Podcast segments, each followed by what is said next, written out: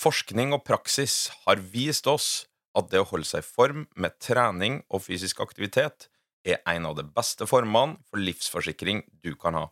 Men ingen av oss vet hvilke retninger livet tar oss i, og selv ikke trening kan beskytte deg mot uforutsette hendelser som brann og ulykker i hjemmet ditt, et sykt barn eller forsikre bilen din.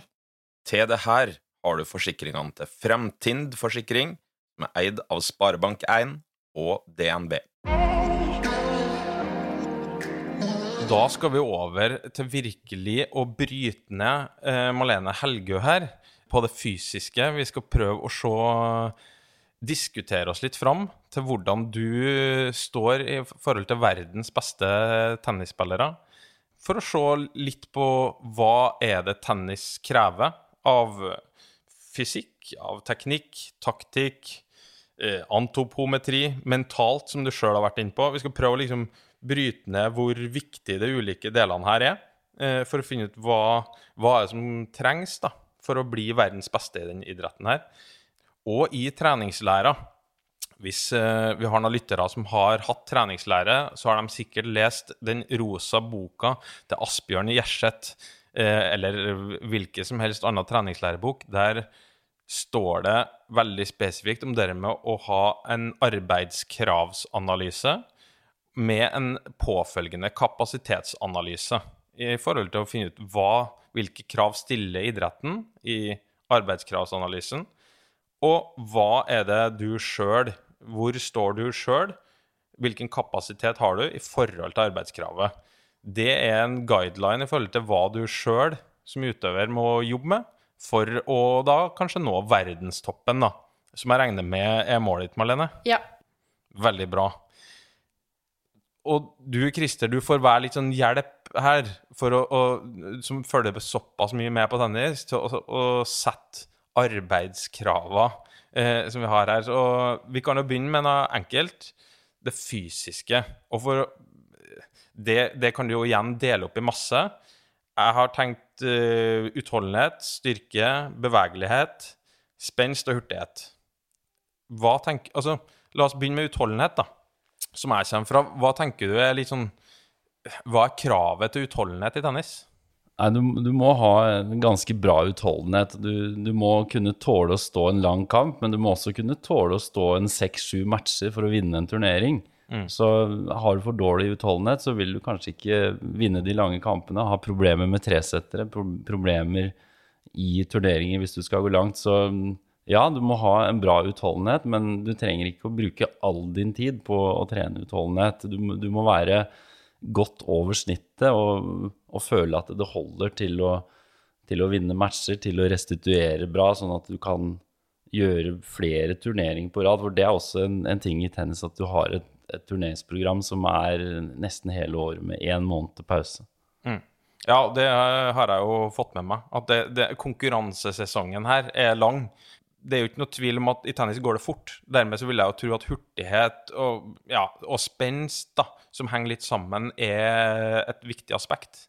Ja, absolutt. Det er superviktig, samtidig som du har de riktige øvelsene for, for hurtighet og spenst. De henger nøye sammen, og det, det er jo begrenset hvor mye du kan trene det, men du kan trene det litt. Men, men du, du, må være relativt rask, altså ja. hvis du skal bli god i tennis. Det er ikke noe snakk om annet. Nei, du må ha vært der litt riktige foreldre.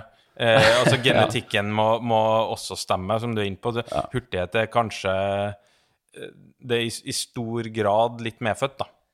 Det er medfødt, og det er, det er jo veldig korte intervaller. Det er mm. ikke disse lange fireminutterne som du er sikkert er vant til lange. Ja. Men det er, det er tre, fire, fem sekunder, syv sekunder innimellom. Altså, mm. Det er sånn start-stopp hele veien. Mm fire minutter til oss, vet du, det, det er hurtighet.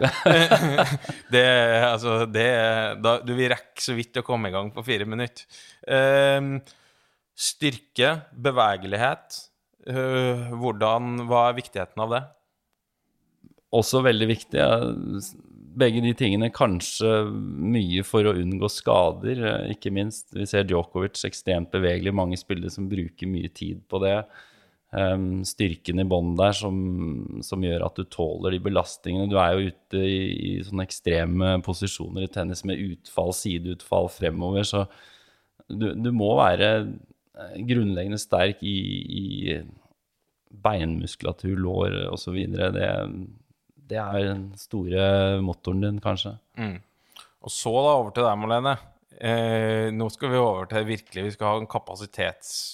Hvor står du her? Eh, akkurat nå, sånn som jeg forsto på deg, så er ei som heter Ashley Barty, som er best i verden. Eh, I liksom hele min sånn Min, i hermetegn, tenniskarriere, så har det liksom vært Serena Williams som har vært på et vis den beste, da. Og hvis vi tar liksom de toene, da hvor tenker du at du står i forhold til dem? Eh, til deg å begynne med utholdenhet. Hvordan jobber du med utholdenhet, og er den god nok? Um, jeg har tatt uh, VO2 makstest uh, og sjekket ut det, og ser jo at jeg har potensial til å bli bedre. Uh, For jeg, eh, husker du hva du hadde?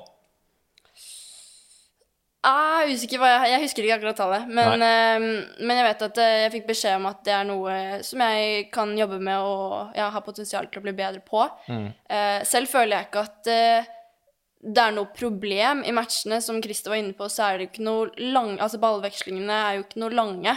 Eh, det er veldig mye hurtighet, men så varer jo matchene lenge. Eller kan vare veldig lenge. Opptil tre-fire timer for jenter når vi spiller best av tre. Nei, så det er eh, viktig å kunne holde ut lenge, det er det. Uh, mm. Men i treningsarbeidet, altså Springer du intervaller, eksempel? Altså på bane, eller springer du intervaller? Springer du løpeturer? Eller foregår alt på en bane med en racket i handa? Um, både og, egentlig. Det er eh, Jeg trener utholdenhet både på banen eh, ved å, og med egentlig fystrener. At han eh, kaster baller, da. At jeg holder på lenger, og at jeg er mellom, at mellom ballene han kaster, at jeg f.eks. må løpe side side og holde pulsen oppe eh, på et visst nivå. Eh, Og så må jeg inn og slå baller igjen mens jeg er dritsliten. Eh, så det er veldig på en måte tennisspesifikk måte å trene utholdenhet på, som jeg gjør.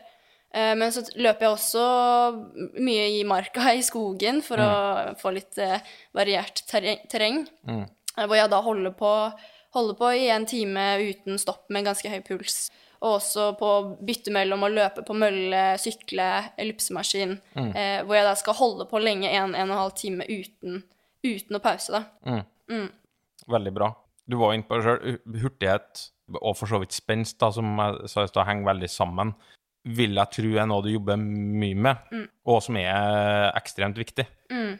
Ja, det er veldig viktig, og jeg merker jo selv at når jeg spiller på mitt beste, så beveger jeg meg veldig bra. At eh, det er jo litt som å danse. Du skal flyte rundt på banen og være lett i kroppen, du skal være eksplosiv. Så eh, i og med at jeg i hvert fall Jeg tror de fleste tennisspillere føler det sånn at når de spiller på sitt beste, så beveger de seg også veldig bra på banen.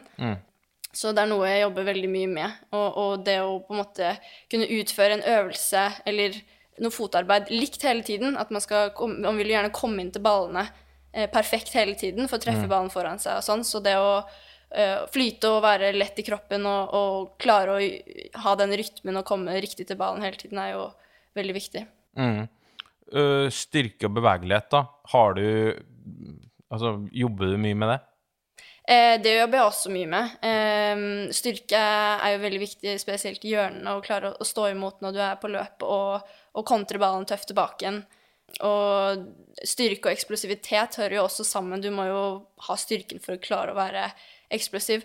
Eh, så, og bevegelighet også er, jobber jeg med hver dag. Tøyer etter hver, etter hver trening. Og som Christer også sa, så er det veldig viktig for å hindre skader å være bevegelig. Så, og jeg føler også at jeg restituerer bedre når jeg har gjort min tøyerutine og ruller på formaler og alt det der. Men av de fem tingene her, da Hvis du skal si eh, Ashley Barty og Serena Williams er liksom Det er dem vi går etter. Hvor Altså hvem, Hvilke av de fem fysiske punktene vi har sagt nå, føler du at du har lengst opp til verdenstoppen? Og hvilke føler du at du er liksom Du er ikke så langt unna? Det er vanskelig å si. Serena er jo veldig, eller kjent for å være veldig sterk da, og har en helt annen kroppsbygning enn det jeg har. Jeg er jo ikke den høyeste heller, eh, og jeg vet ikke om jeg er ganske lik høyde som Ashley Barty, egentlig. Føler at styrkemessig så Det er jo alltid Jeg kan bli bedre på alt. Jeg har potensial til å bli bedre på alt, men jeg føler at det ikke er noe problem med styrken. Og føler jo ikke selv at utholdenheten er et issue. At jeg, jeg føler at når jeg kommer ut i et tredje sett, så tenker jeg vet ikke om det bare er at jeg mentalt bestemte bestemt meg for at jeg er sterkest når det, er, det blir lange kamper og jo lenger matchen blir. Men eh, ja, hurtigheten har jeg alltid følt at jeg har enda mer, me- kanskje mest potensial til å bli bedre på. da, Å bli eh, ekstremt rask. Ja, men det er jo Da har vi jo Det er jo et godt svar på spørsmålet, det. Og, og det vil jeg jo tro Altså, hurtighet, som du òg var inne på, er jo litt kompleks. For det ene er det du kan måle, altså fra A til B på hvor fort du gjør det. Men det handler jo om eh, smartnessen på hvor du springer. Når starter du å springe? Det handler om hvordan du leser også motstanderen. Det å, du ønsker jo å være i best mulig posisjon når du treffer ballen. Og springer du smartere, så trenger du kanskje ikke å være så hurtig. Men med andre ord litt komplekst. Mm, veldig komplekst, og som, som du sier, så er det jo det å antisipere motstanderen og, og, og forutse Det er jo liksom sjakk. Hva er trekket til motstanderen når jeg slår den dit? Hvor mest sannsynlig kommer ballen da? Å lese motstander fra motstander. Alle har jo sine mønstre. Så antisipering er en veldig stor del av å faktisk virke rask. Noen som er kanskje ikke så raske, men veldig flinke til å antisipere, antisipere, eh, så tror man at de er ja, hurtige, da, fordi at de leser spillet så bra. Neste litt sånn eh, arbeidskrav vi skal diskutere, det er det med teknikk. Eh, vi, eh, du var tidligere inne på ganske tidlig i podkasten og snakka om spinn. At gutta har satt mer spinn på ballen. Og, og spinn er jo nå i hvert fall er plukka opp, er, er viktig. Nadal har vel, kjører veldig mye spinn på ballen, og som tydeligvis hjelper han på grus. Og jeg, jeg er jo ikke god nok. Jeg liker jo å tro at jeg er veldig veldig god i tennis, men jeg er jo på ingen måte god nok til at jeg kan nesten stille spørsmålet omkring teknikk. Og, og, og hva er det som er viktig? Men kan du, Christer, liksom prøve å, å forklare oss litt arbeidskravet innenfor teknikk, og hva er det som ligger i det i tennis? Ja, altså Som tennisspiller så må du ha en ganske sunn og ukomplisert teknikk, sånn at du holder mål da når, du- når du skal gå fort, når du skal spille sikkert osv. Det er å treffe foran seg, det er å ha sunne svinger, forehand, backhand, serve, volley, smash. Så det er mange slag som du skal ha, som du hele tiden må trene på, passe på at det er der, at treffet er der. Så det er, jeg pleier å si at det er litt ferskvare, at du må, må innom og, og trene nok timer da, for å holde den teknikken ved like. Så en forutsetning for å, å bli en god tennisspiller er at du har en, en sunn teknikk. Og det er en del sånne fellesnevnere, som jeg sa, treffe foran seg, slå med kroppen, slå tunge baller, balanse, rytme. Så det, er, det, det tar tid. Det er derfor du må bruke ganske mye tid på det. Og når den teknikken har satt seg Du skal helst lære dette her før du er i pubertet, da, men når den har satt seg på høyt nivå, så kan du igjen bruke mer tid på kanskje fystrening og andre ting. Ja, hva- uh, igjen, prøv en sammenligning med minidrett, som er helt umulig. Men så er jo teknikk handler jo egentlig ikke så mye om skadeforebygging. Det handler jo om å, å ta meter, komme seg fortest mulig fra start til mål. Men litt sånn som jeg hører, her, så er det egentlig to sider av den teknikken. da. ene er at du skal ha en sunn teknikk i forhold til skadeforebygging. En annen er jo at du vil ha en teknikk som gir deg et eh, forsprang mot eh, din konkurrent på andre sida. så vil ha en effektiv teknikk i forhold til å avgjøre baller. da. Ja, det er, mye, det er mye du skal ha der, så den, den, den teknikken må være så god at du server bra nok. At du slår hardt nok på forhånden din, at du kan sette bort volder. Altså det er, det, du må kunne greie hvis du har, hvis du har begrensninger, at du f.eks. treffer for langt bak deg, sånn at du ikke kan slå nok spinn i en ball, så vil du slite med å slå en vinkel i et grunnslag, f.eks. Så da må du jobbe mye med det. Så det er, det er en del forutsetninger for å kunne spille på et høyt nivå i tennis. Og da, Marlene, skal vi over til deg på teknikk. Eh, og så, hvor mye tid bruker du i treningsarbeidet ditt som du vil si er teknikkøkta? Hvis du gjør det i hele tatt? Ja, det er klart vi gjør. Det er eh, Sånn nå, hvor jeg er nå, så er jo på en måte the basic basen er jo lagt. Eh, hvor jeg har hatt flinke folk som har hjulpet meg med å få en sunn og bra teknikk fra start. Eh, så det er veldig mye sånn detaljer og, og finjusteringer. Og vi tennisspillere er jo ekstremt flinke til å kompensere. Sånn, ja, når man har vært ute på turnering, så kommer du hjem, så kanskje det er noe du har gjort annerledes for at, i kampene for å få til det du ville få til, eller et eller annet. Så det er jo alltid back to basic.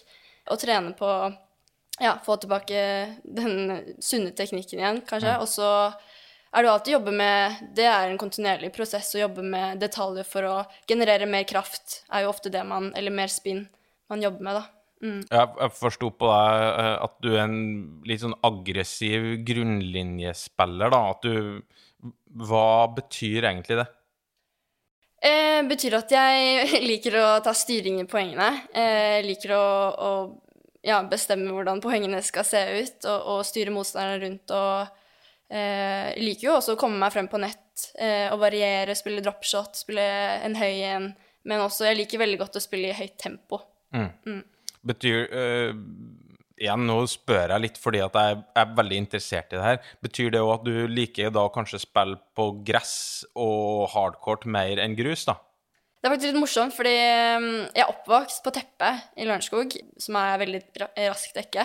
Så jeg skulle jo tro at uh, hardcourt og, og gress var mine favoritter, men uh, jeg har egentlig mine beste resultater på grus, og trives egentlig mer og mer på grusen. Fordi jeg føler at det er eh, mer tennis, da, siden det går litt saktere, så blir det gjerne litt lengre balldueller, og du må virkelig bygge opp poengene steg for steg for å slå den avgjørende ballen, eller ja. Så mm, jeg trives egentlig veldig godt på de fleste dekker. Jeg har ikke spilt så mye på gress, men både grus og hardcourt er eh, ja, liker jeg veldig godt å spille på.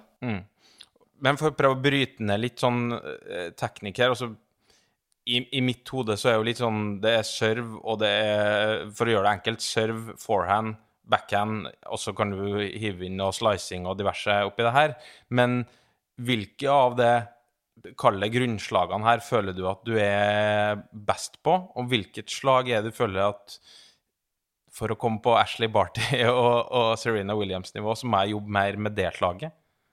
Serve er kanskje det jeg føler jeg bør jobbe mest med. Det er jo selvfølgelig fordel å være høy eh, for å få vinkel, en bedre vinkel når man server, men eh, absolutt ingen hindring å, å ha en god serve når om man ikke er den høyeste. Eh, så serve er noe jeg virkelig føler jeg bør, og som jeg jobber med for å bli bedre. Backhanden min føler jeg å få høre at den er ja, veldig bra. Jeg vet ikke, den, har, den er stabil, og jeg kan gjøre det jeg vil med den. Slå cross, rett, vinkel, dropshot. Ja. Eh, både høyt og, og slice og alt mulig. Så, eh, mens forehand føler jeg også er Den jobber jeg med, men den har potensial til å bli enda bedre og bli et større våpen, enda større våpen enn det er nå. Så det du sier er strengt at hvis du hadde spilt mot deg sjøl, så Mm. ville du ha satt mer baller på, mot din forehand. Jeg ville vært forsiktig med det også. den er farlig, Ja, den òg. Ja, Men eh, kommer ingen vei med å være beskjeden. Det er det er bare å kjøre på. Nei um, Ja, kanskje. Jeg vet ikke. Jeg eh, På grusen når jeg får litt mer tid også, så liker jeg forhånd å vinkle den ut og få motstand på løp. Så eh, Men det er absolutt én ting jeg har lyst til å, å jobbe med for å få til å bli enda bedre, da.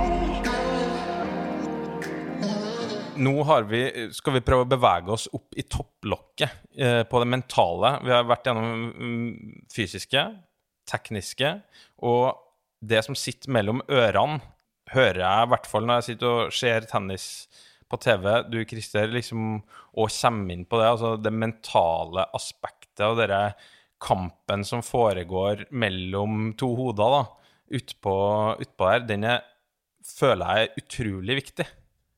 Ja, den er eh, ekstremt viktig, og kanskje spesielt i tennis og idretter hvor du har en person på andre siden av nettet, så, så er det ofte den som vil mest, som vinner. Det er ikke nødvendigvis den som kanskje har de peneste slagene, eller noe sånt som vinner, men den som er eh, mest hissig på å vinne, som er villig til å stå ut uh, i, i kampen, altså som, som drar det lengste strået. For du kan jo se 100 spillere som er topp 100 i verden, nummer 1 og nummer 90, og de nesten alle ser like ut, men det jeg kan garantert si om f.eks.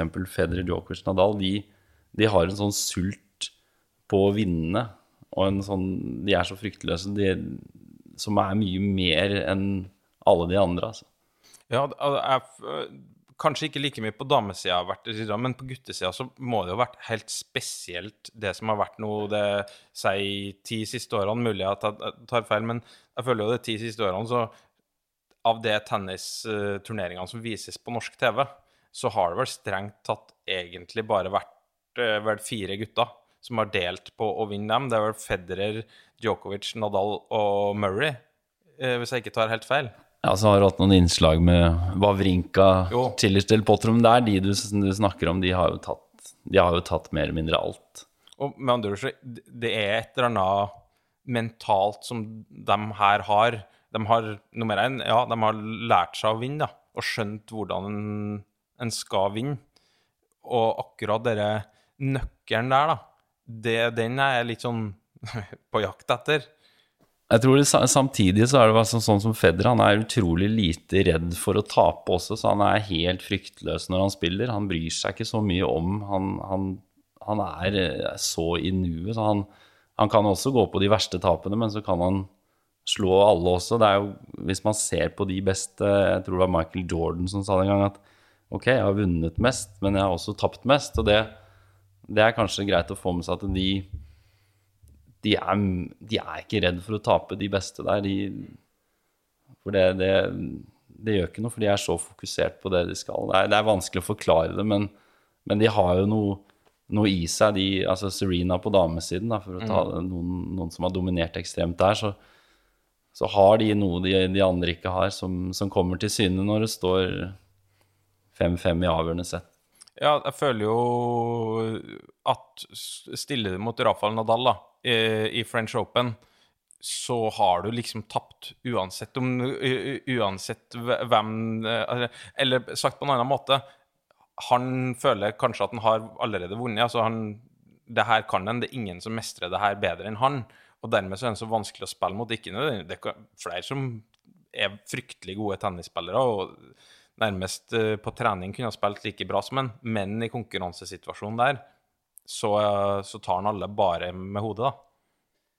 Ja, er, jeg vet ikke hvordan han får det til. Djokovic på, på litt samme måte. Hvordan de greier å tyne seg av Nadal. Hvis han begynner dårlig, så greier han hele tiden å stige i nivå. Altså Skal man slå han, så hvis, hvis ikke du vinner første settet, så er den omtrent garantert å tape. For han, han er bare bedre og bedre jo lenger matchen går. Og det er jo ikke noe morsomt for disse unggutta som møter han å vite. Nei.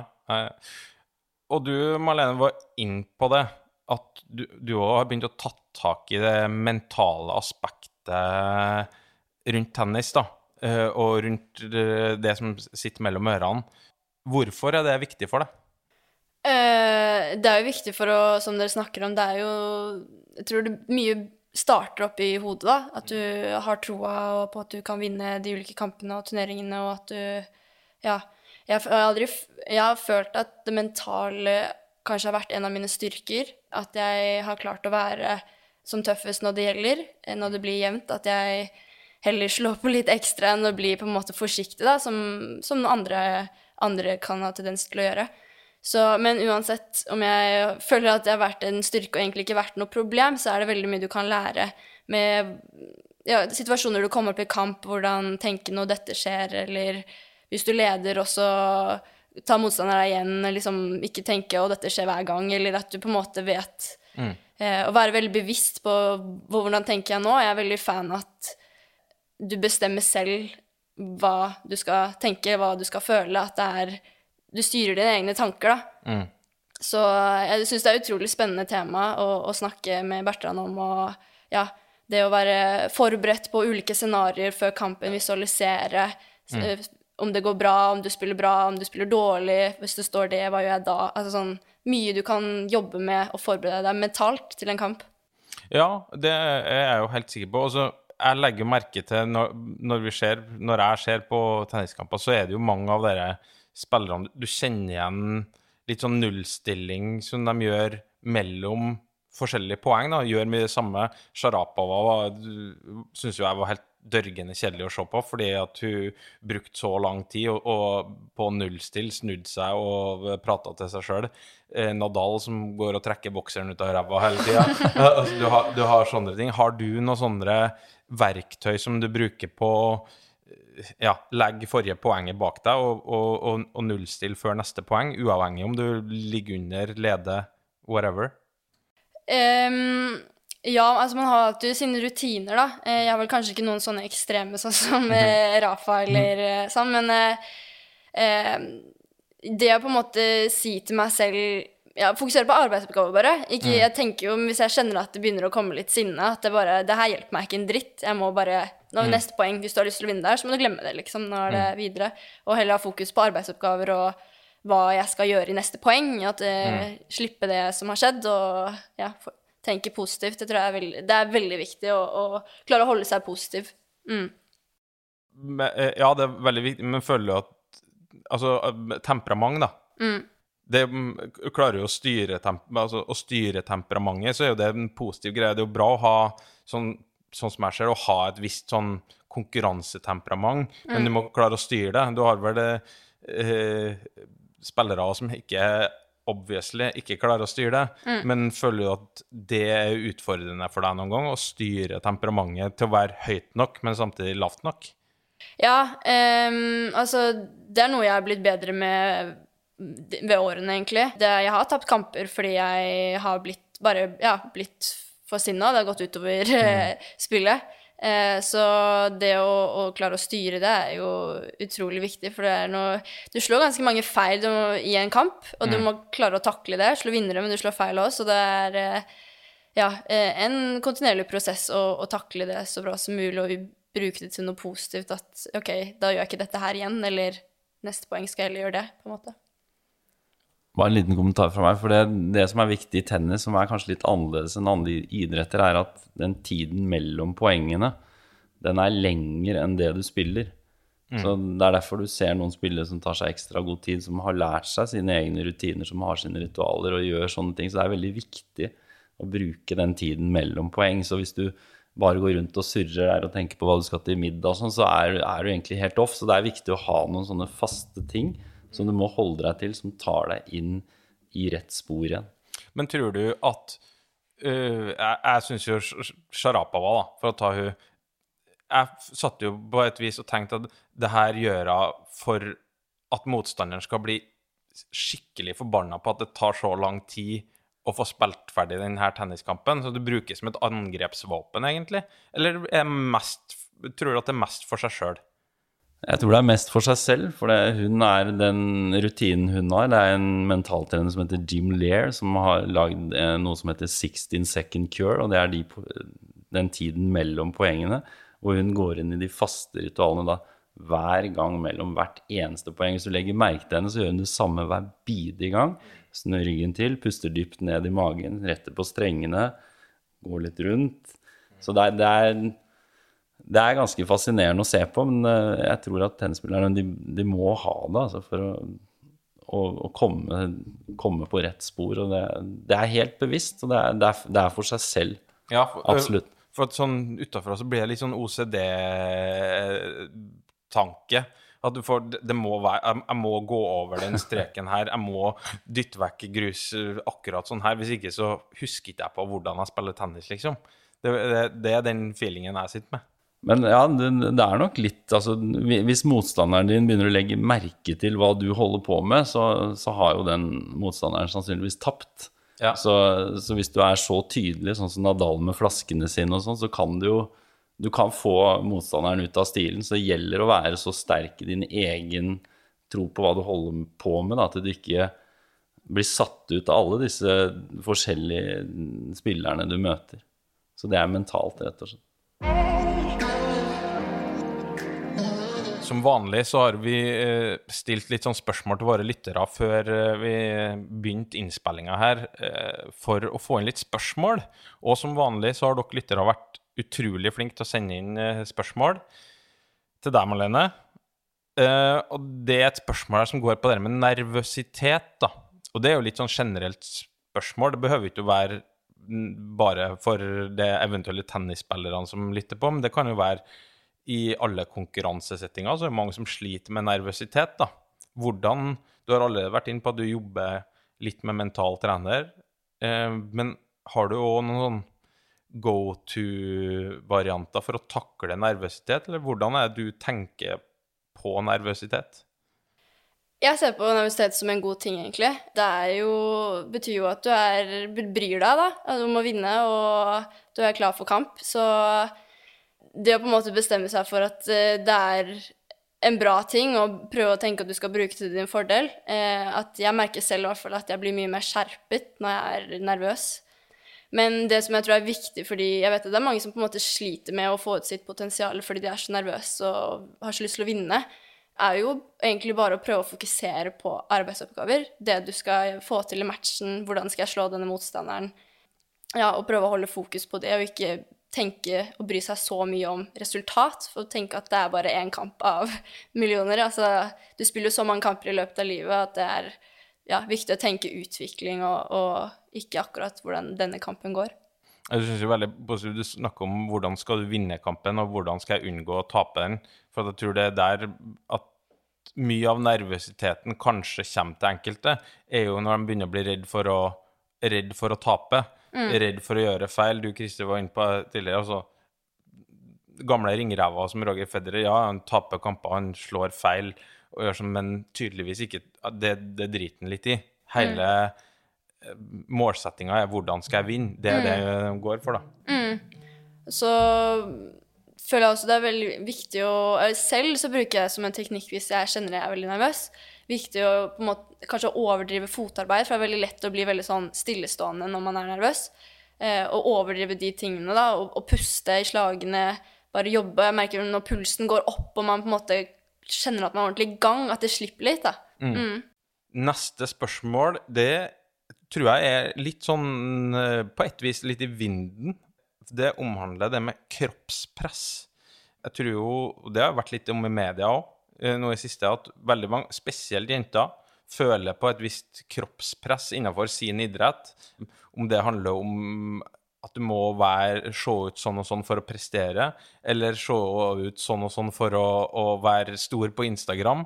Det, det, er litt begge delene. Men er det her noe du opplever i din idrett? Uh, selv så opplever ikke jeg noe Tenker ikke noe på det, egentlig. Når jeg trener uh, styrke eller det jeg gjør utenfor banen, så trener jeg det for å bli bedre på tennisbanen. Så hvis jeg trenger å, å legge på meg noen skyld og muskler uh, for å bli bedre på banen, så er det Selvfølgelig gjør jeg det. Men det som også er med tennis, at det er så mange ulike kropper. Det er ikke bare sånn friidrett, så er veldig mange liksom, ja, ganske spinkle og i hvert fall i overkropp. Eh, men tennis så har du jo Serena, som er veldig stor og, og sterk. Som kraftig av natur, da. Eh, men, og spillere som er ganske tynne og høye. Så det er ikke noe på en måte fasitsvar på hvordan man bør se ut, føler jeg, i tennis. At det er veldig hva som egentlig er best for din kropp og for deg som den type spiller du er. Noen Serena, for eksempel, som er veldig sterk, kan spille en kanskje raskere tennis og være mye mer sånn Slå flere vinnere enn en som er tynnere og, og, ikke like sterk, kanskje, da, og kraftig. Kan ikke spille på helt den samme måten som Serena kan, da. Nei, men det uh når en ser på tennis, så ser en jo at det er jo en stor range, da. Kanskje mm. i større mye større range enn som du sier da på f.eks. friidrettsarenaen, mm. der det er helt klart noen disadvantages med å, å være som Serena. Mm, mm, absolutt. Ikke, I tennis er det ikke noen vektklasser, mm. så det er ikke noe sånn Ja, vekt, du må optimal vekt for tennisspillere. Det er liksom det som er optimalt for deg. Mm. Så til litt det med progresjon du, holdt, du, er jo ganske ung eh, fortsatt, du er veldig ung enda, eh, men du har jo holdt på noen år. Ja. Når i din eh, karriere har du følt på mest progresjon? Jeg tror altså Jeg følte da jeg vant eh, NM senior og fikk min første kongepokal som 15-åring i 2015 Fra det året og 2016 egentlig, så følte jeg at jeg hadde ganske stor utvikling. Eh, begynte også bytta fra, nei, fra ungdomsskolen til videregående. Fikk et mer bedre opplegg for tennisen. da, At jeg ikke trengte å, å være på skolen vanlig tid hver dag. At jeg kunne Jeg i, hadde morgentrening i klubben, og så gjorde jeg en eller annen form for fystrening, styrke eller et eller annet for meg selv eh, etter tennisøkten på morgenen. Og så satt jeg på klubben og gjorde skolen min, da, eh, før det var en ny økt på ettermiddagen. Så jeg hadde jo veldig Begynte å på en måte kunne legge mer tid rettet mot tennis eh, i den perioden. Eh, og kanskje fysisk at jeg Jeg begynte jo å trene mer fysisk trening, altså trening utenfor banen, da. Eh, og at det selvfølgelig hjelper jo på banen. Så at jeg hadde, fikk mer timer der og ja, følte at jeg fikk en stor progresjon. Men så merker jeg også sånn nå når jeg de siste årene kanskje har blitt enda mer på moden i hodet og fått enda mer erfaringer, at jeg føler at jeg tar steg da, hele mm. tiden. I hvert fall mye mentalt. Mm. Eh, merker jeg at jeg ser på tennis på en helt annen måte enn jeg gjorde da jeg var 15-16. Mm. Så litt sånn avslutningsvis så er jo litt eh, interessant å høre om hva er liksom målsettingene dine? For denne sesongen blir jo litt spesiell, den blir jo litt avkorta. Eh, men hvis vi ser liksom de neste fem årene, da, hva er, hva er målsettingene dine med tennisen? Altså, jeg har jo satt meg både langsiktige mål og litt mer kortsiktig. Mitt ultimate mål og store drøm er jo å bli nummer én på VTA. Mm. Mange syns sikkert det er hårete mål, men jeg tror du må sette deg tøffe mål for å, for å nå langt. Så har jeg jo for sesongen som mål Nå ligger jeg 604, å komme meg blant topp 400. Men nå har det jo blitt en litt annerledes sesong enn hva det er med skade og korona. Så men hvis det kommer i gang nå som det skal, så tror jeg fortsatt det er mulig. Og også som mål Jeg har jo følt at jeg har tatt 15 000 dollars nivå, vunnet tre singeltitler der. Um, så mitt neste mål er jo å vinne det neste nivået, som er 25 000 dollars turnering. Mm. Å vinne en eller, flere, en eller flere av de turneringene og bli på en måte stabil på det nivået. Mm. Um, du sa femårsperiode. Eh, um, så er det jo på en måte det store å komme seg blant topp 100, mm. og, og, da være inne i, i alle Grand Slammene. Um, så det er jo et av de store målene å bryte den topp 100-grensa. Mm. Vi er, gleder meg til jeg skal sitte og se, høre på Christer kommentere når du spiller eh, en av Spiller ikke noen rolle, men gjerne alle uh, av de Grand Slam-turneringene på norsk TV. Ja. Uh, det har vært veldig, veldig moro. Det gleder jeg meg til. Du og Christer, som kommentator, som tennisfan, som manager, som rett og slett elsker tennis. Hva, hva, hva, tenker du er naturlig å ha som målsettinger for norsk tennis? Vi utvider det fra fem år da, til neste ti, ti årene her. Hva tenker du er nummer én? Hva er hårete, og hva er, liksom, hva er mulig å få til? Altså er, hvis du tar litt på bredden også, så vil jeg håpe at vi blir etter hvert 50 000 som spiller tennis. At vi får flere kommunale baner, at vi får denne idretten her til å bli litt mer landsomfattende. At det, er, at det, er, flere som kommer til eh, med tennis. Eh, det må være i bånn. Og så vil vi gjerne ha flere spillere. Vi har flere spillere på ATP og VTA-ranking, som vi snakket om litt tidligere. At vi har en 15-20 spillere minst som spiller i disse turneringene. For da er jeg helt sikker på at det er noen som kommer til å gjøre toppresultater. og som du også snakket om, så vi, trenger vi en, en, jente som etter hvert uh, Marlene blir topp 100-150, som vi kan begynne å kommentere mm. i disse turneringene som vi har. Og VTA-tennis, dametennis, er, er stor, uh, stor, idrett, uh, så vi håper at vi ser mer av det. Nå er det mye herretennis også på, på Eurosport, da, men vi håper mm. at det blir mer dametennis der etter hvert. Så ja, det er, det er mange ting, men håper at sporten vokser i Norge, som, som det virker at det gjør, mm. med Kasper Ruud akkurat nå i førersetet. Ja, altså, det er jo mitt, mitt inntrykk sett utenfra. Altså, det vil alltid være sånn, får du en, ei lita sånn ledestjerne, da, sånn som han er, så, så, drar det med seg litt bredde, men så er, gjelder det da å ta vare på den bredden, for den er jo ikke den er jo ikke der eh, uten at det gjøres en god jobb med den bredden. Den må jo forvaltes, og det håper jeg skjer. For det er jo ikke noe Jeg som deg håper vi om jeg, om jeg, så mister noen talent fra, eh, fra langrenn over til tennis, så, så, går det helt fint. Jeg, jeg håper på en lys framtid for, eh, for, norsk tennis, både på bredde og topp, altså. så det var da den forholdsvis lange praten med Christer og Malene. Og jeg må si tusen hjertelig takk for at dere ville være med i denne podkasten. Det var utrolig lærerikt og veldig interessant. Og jeg håper mange av lytterne våre syns det samme. Så før jeg avslutter, så må jeg jo da by på litt sånn sosiale medier. Du Christer, du er jo ikke så ivrig på så mange andre sosiale medier enn Twitter, men der er du til gjengjeld ganske ivrig. Så gå inn og følg eh, Christer der på ESN Christer. Og så kan dere òg, samtidig som dere er i den sosiale mediemodusen, gå inn på Instagram. Der finner dere Malene under Malene Helgo. Eh, der får dere da sikkert jevnlige oppdateringer fra når tennissesongen starter igjen. Og for, forhåpentligvis så får vi se mange jublende bilder av Malene eh, der.